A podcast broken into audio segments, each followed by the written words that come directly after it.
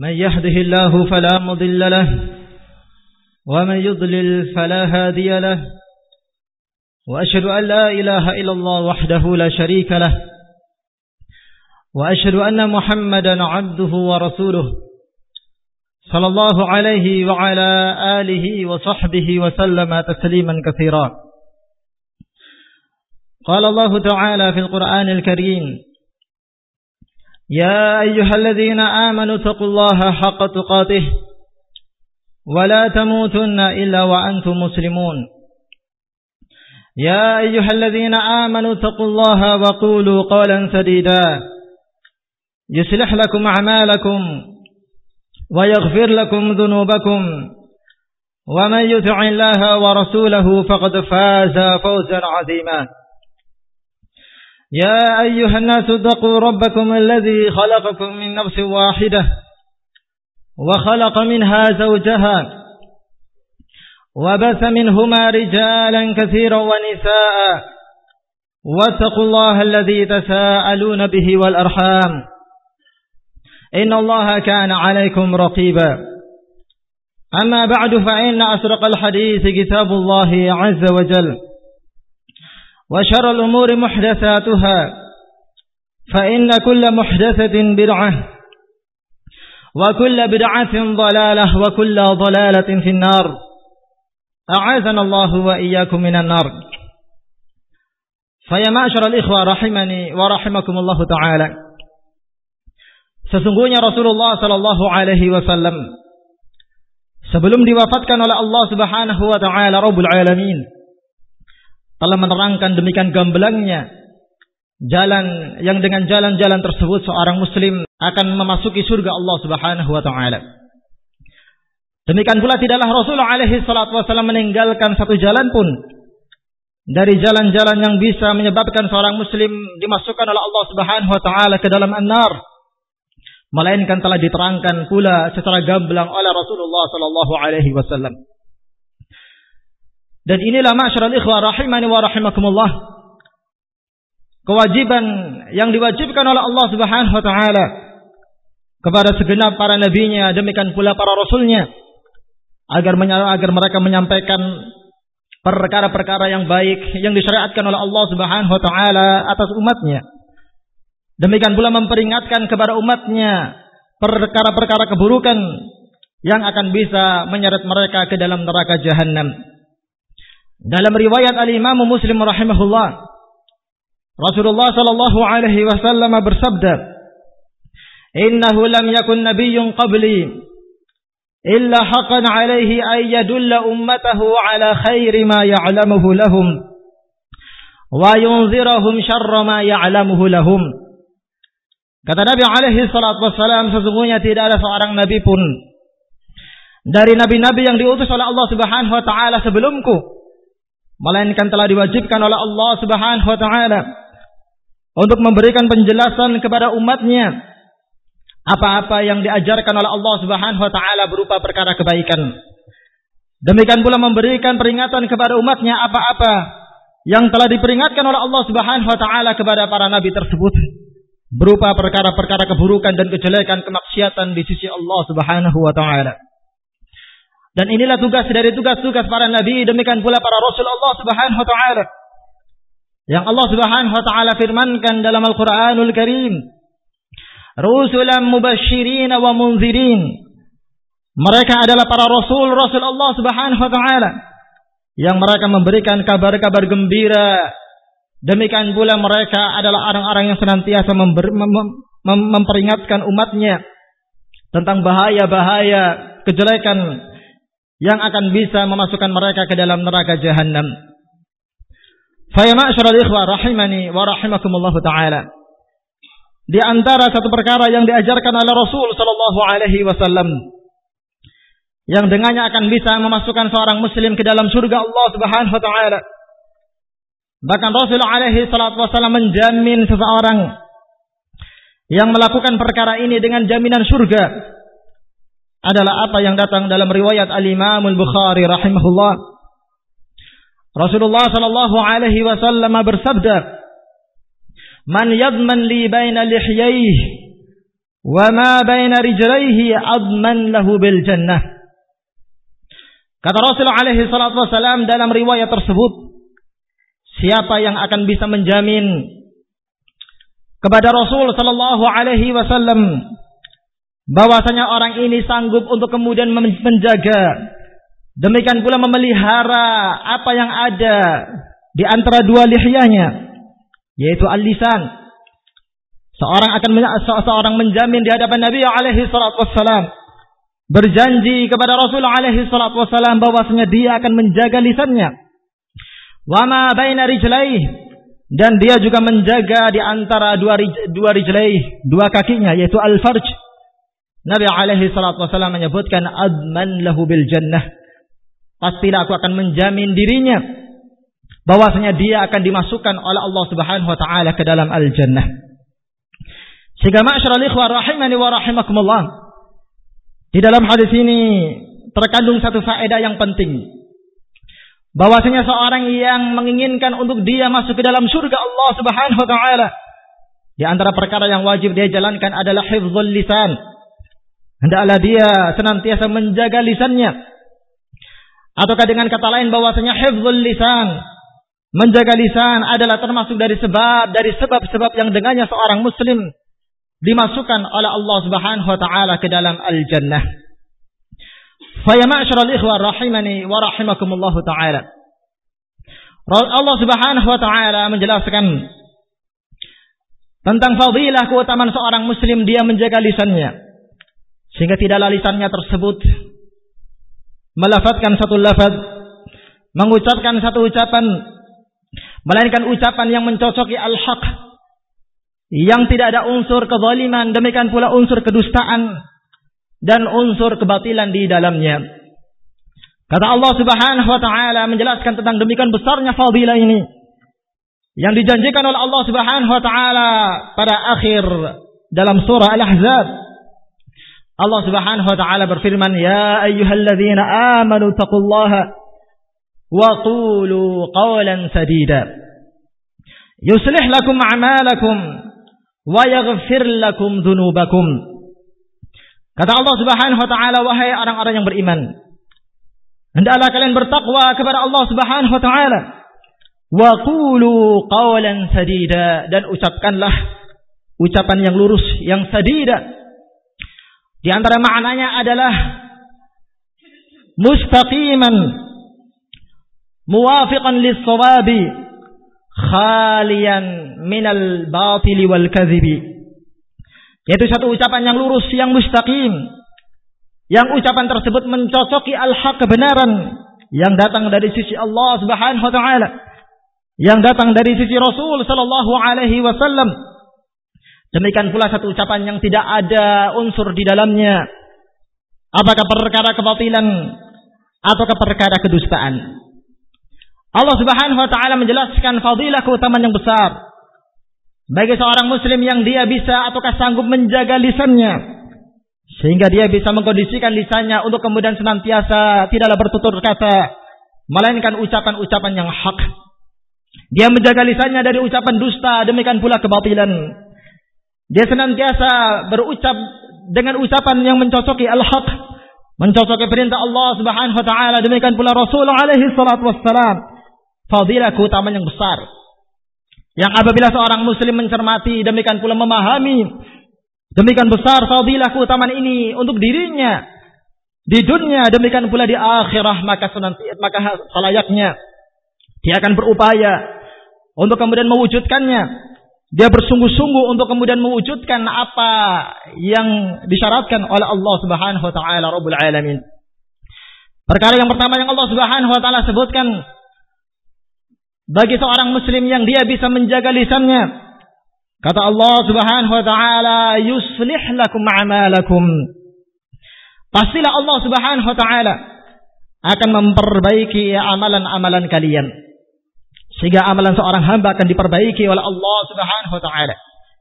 Bila ada kekurangannya maka diperakan maka dengan ucapan yang lurus yang diucapkan oleh oleh lisannya akan diluruskan oleh Allah Subhanahu wa taala.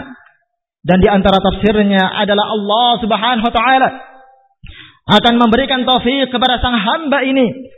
Untuk kemudian amalannya senantiasa untuk kemudian amalannya adalah amalan-amalan yang senantiasa dibangun di atas amalan soleh yang dengannya dia akan mendapatkan ganjaran yang besar di sisi Allah Subhanahu wa taala. Demikian pula fadilah yang kedua yang Allah Subhanahu wa taala sebutkan adalah wa yaghfir lakum dzunubakum. Allah Subhanahu wa taala akan mengampuni dosa-dosa seorang yang senantiasa mengucapkan ucapan yang lurus tersebut. Faya ma'asyiral ikhwa rahimani wa rahimakumullah taala. Sesungguhnya lisan memiliki bahaya yang besar. Bahkan bahaya tersebut termasuk dari akhtarul afat. Bahaya yang paling besar yang akan bisa menyebabkan pemiliknya akan mendapatkan penyesalan di dunia demikian pula di akhirah. Faya ma'asyiral ikhwa rahimani wa rahimakumullah taala. Bahkan dalam riwayat al-Imam Abu Dawud, Ahmad demikian pula At-Tirmizi rahimahumullah taala dan hadis ini dihasankan oleh Syekh Al-Albani rahimahullah taala. Rasulullah sallallahu alaihi wasallam bersabda, "Idza asbaha ibnu Adam fa innal a'dha'a kullaha tukaffiru al-lisan." Kata Rasulullah Sallallahu Alaihi Wasallam sesungguhnya ibnu Adam, bila mana mereka memasuki pagi hari, maka sesungguhnya seluruh anggota-anggota tubuhnya akan mengingkari al-lisan, akan memberikan peringatan kepada al-lisan. Seluruh anggota-anggota tubuhnya akan mengatakan kepada lisan tersebut, Ittaqillah fina. Hendaklah engkau wahai lisan bertakwalah kepada Allah Subhanahu wa taala untuk kita. Fa innama nahnu bik karena sesungguhnya nasib kita tergantung dengan keadaan dirimu. Fa in istaqamta istaqamna wa in i'wajasta i'wajasna. Apabila engkau wahai lisan bisa beristiqamah, maka kita akan istiqamah. Dan apabila engkau wahai lisan tidak menjalankan perbuatan tersebut, engkau menyimpang, engkau tergelincir, maka kita pun juga demikian. Dan hadis ini dihasankan oleh Syekh Al-Albani rahimahullahu taala. Fa ya ma'syaral ikhwah rahimani wa rahimakumullahu taala. Sehingga Rasulullah sallallahu alaihi wasallam menjelaskan bahwasanya lisan merupakan andil memiliki andil yang besar yang akan bisa menentukan nasib seorang hamba di sisi Allah Subhanahu wa taala. Baik-baiknya ataukah buruknya. Baik seorang hamba tersebut adalah seorang yang tinggi kedudukannya di sisi Allah Subhanahu wa taala Apakah seorang yang direndahkan kedudukannya oleh Allah Subhanahu wa taala Rabbul Alamin. Karena itulah Rasulullah sallallahu alaihi wasallam menjelaskan bahwasanya hifdzul lisan seorang muslim dia menjaga lisan adalah termasuk dari al-iman billahi wal yaumil akhir.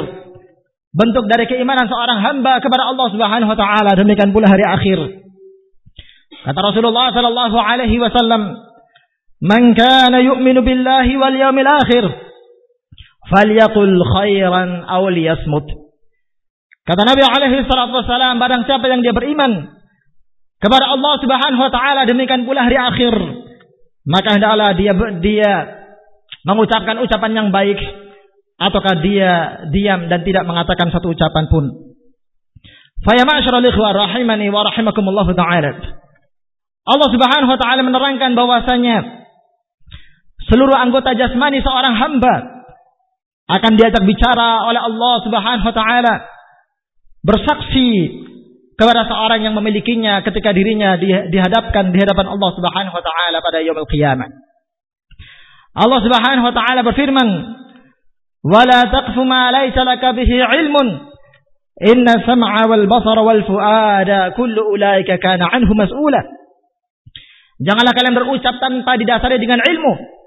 Karena sesungguhnya yang namanya penglihatan, demikian pula hati, demikian pula pendengaran akan ditanya oleh Allah Subhanahu wa taala pada yaumul qiyamah. Demikian pula dalam surah Qaf Allah Subhanahu wa taala menjelaskan ma yalfithu min qawlin illa ladaihi raqibun atid. Sesungguhnya tidaklah ada satu lafaz yang keluar dari lisan seorang muslim, seorang hamba, melainkan di sisinya ada raqib demikian pula atid.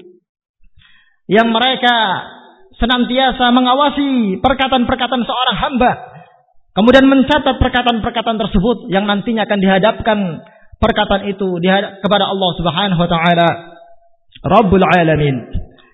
Fa ya rahimani wa rahimakumullah taala. Rasulullah Shallallahu Alaihi Wasallam dalam hadis yang pertama yang kita sebutkan telah memberikan jaminan surga bagi seorang muslim yang dia menjaga lisan. Demikian pula Rasulullah, demikian pula Allah Subhanahu wa taala menjelaskan fadilah yang besar bagi seorang yang bisa menjaga lisannya akan diperbaiki amalannya. Demikian pula diampuni dosanya oleh Allah Subhanahu wa taala Rabbul alamin. Dan ini adalah termasuk dari bentuk keimanan seorang hamba bentuk dari keimanan seorang hamba kepada Allah Subhanahu wa taala. Demikian pula yaumil akhir. وصلى الله على محمد وعلى آله وصحبه وسلم تسليما كثيرا.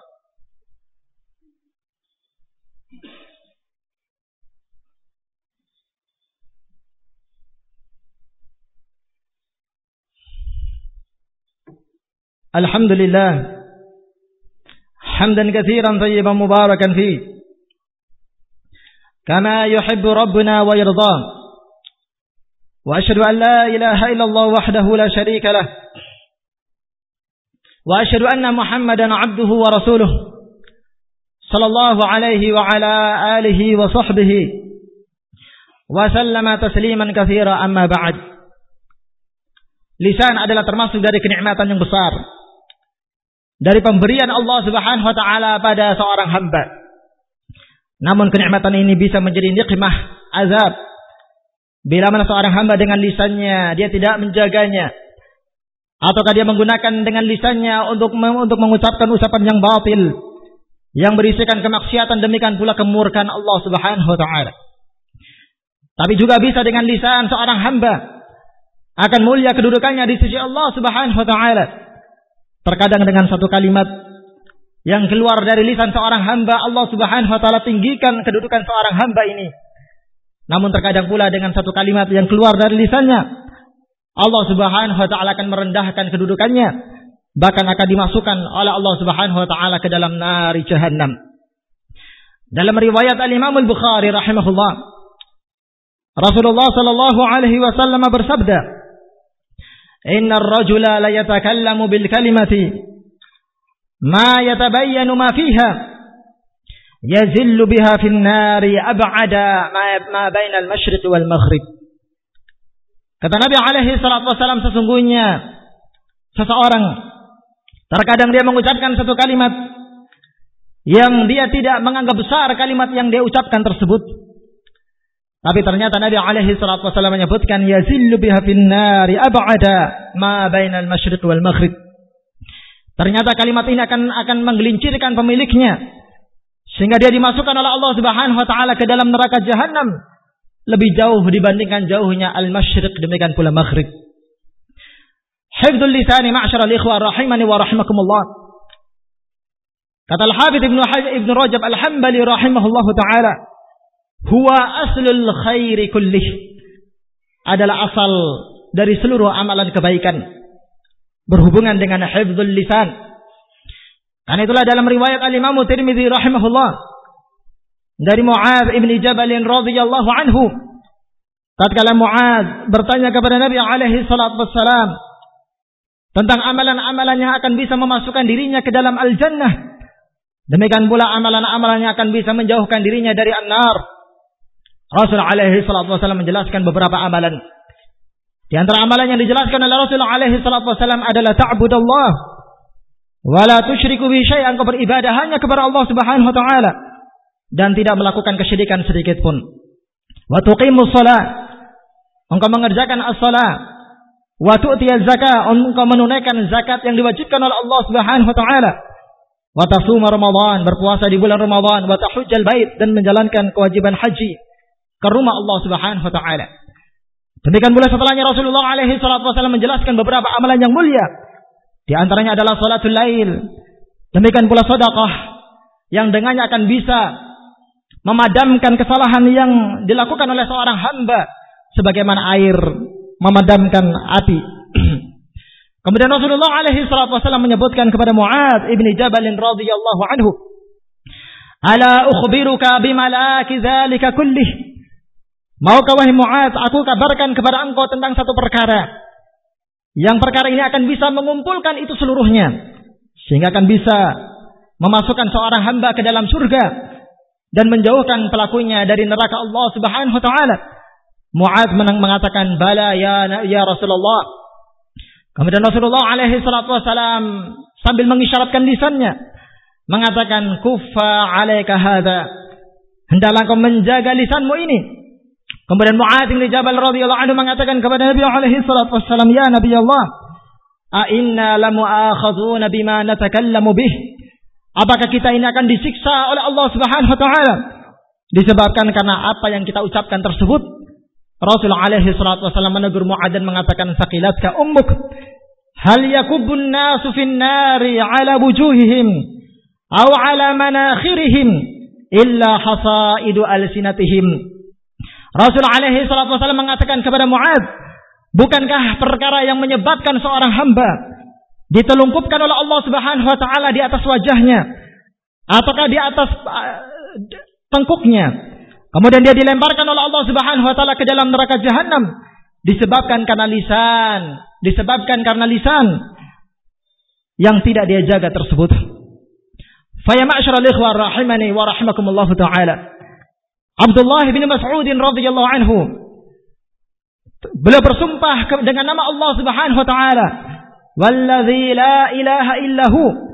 Demi zat yang jiwaku sesungguhnya demi zat yang tidak ada ilah selain Allah Subhanahu wa taala.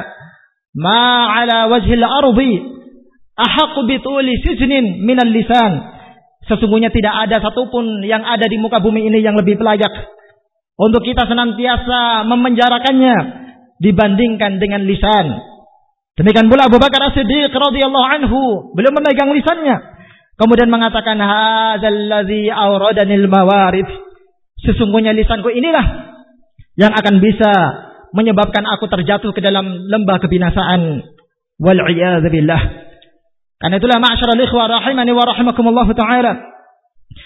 Rasulullah sallallahu alaihi wasallam menjanjikan fadilah keutamaan yang besar bagi seorang yang dia menjaga lisannya akan dijamin oleh Allah oleh Nabi alaihi salatu wasallam bahwasanya dia dimasukkan ke dalam al-jannah.